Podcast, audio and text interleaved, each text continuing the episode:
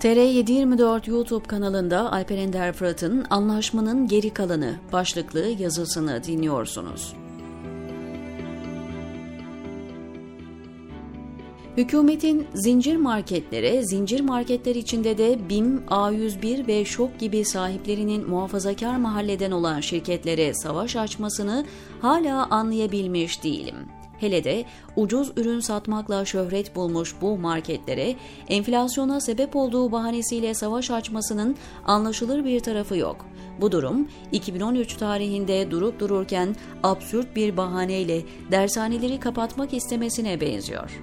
Hatırlayacaksınız dershaneleri kapatma gerekçesi olarak vatandaşların bu dershanelere para bulmak için ineklerini sattığını, vatandaşı korumak için böyle bir karar aldıklarını söylemişti. İktidar üç harfli marketlere neden savaş açmıştır? Bunların iktidarın sözünü dinlemeyen bir pozisyonda olduklarını hiç sanmıyorum. Hatta öyle tahmin ediyorum ki Recep'in istediği haracı da düzenli olarak ödüyorlardır. Yani iktidarla polemiğe girmektense haracı artırmaya bile razı olabileceklerini düşünüyorum.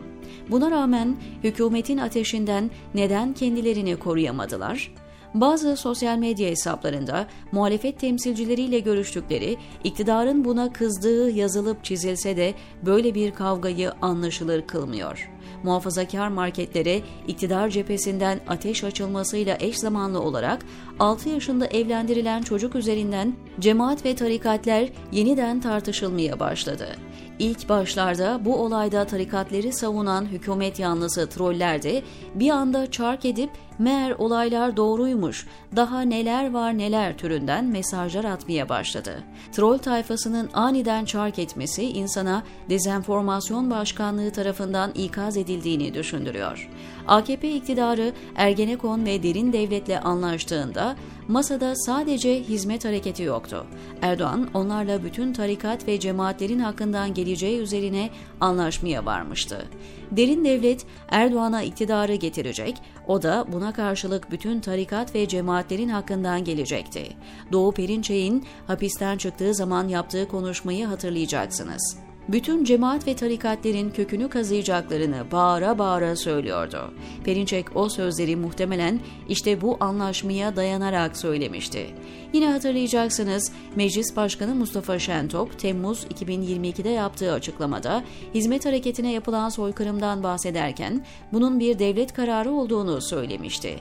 Şentop'un bahsini ettiği bu devlet muhtemelen sadece hizmet hareketiyle ilgili karar almadı. Bu devletin zihinsel kodları muhtemelen dini olan her şeyden rahatsızlık duyuyor. Zincir marketlere karşı operasyonun MHP ve ona bağlı mafyatik yapılanmalar üzerinden yürütüldüğünü gözlemlemek mümkün. Sebepsiz yere zincir marketlere açılan savaş, ardından başlatılan tarikat tartışmaları insanın aklına anlaşmanın geri kalanı yürürlüğe mi girdi diye düşündürüyor.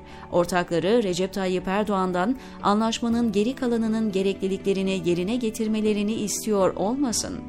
Zincir marketler içinde sadece sahipleri muhafazakar olanların hedef alınması, tarikat tartışmalarından trollerin aniden tornistan yapıp söylenenlerin hepsi doğru hatta eksik demeye başlaması akla bunları getiriyor. Tahmin ediyorum bundan sonra cemaat ve tarikatlerle ilgili farklı gelişmeleri izleyeceğiz. Ancak Recep Tayyip Erdoğan'ın tam da seçimlere giderken böyle bir meselenin içine girmesi için bir yerlerden seçimi masada kazanma garantisi alması gerekir, diyor Alper Ender Fırat, TR724'deki köşesinde.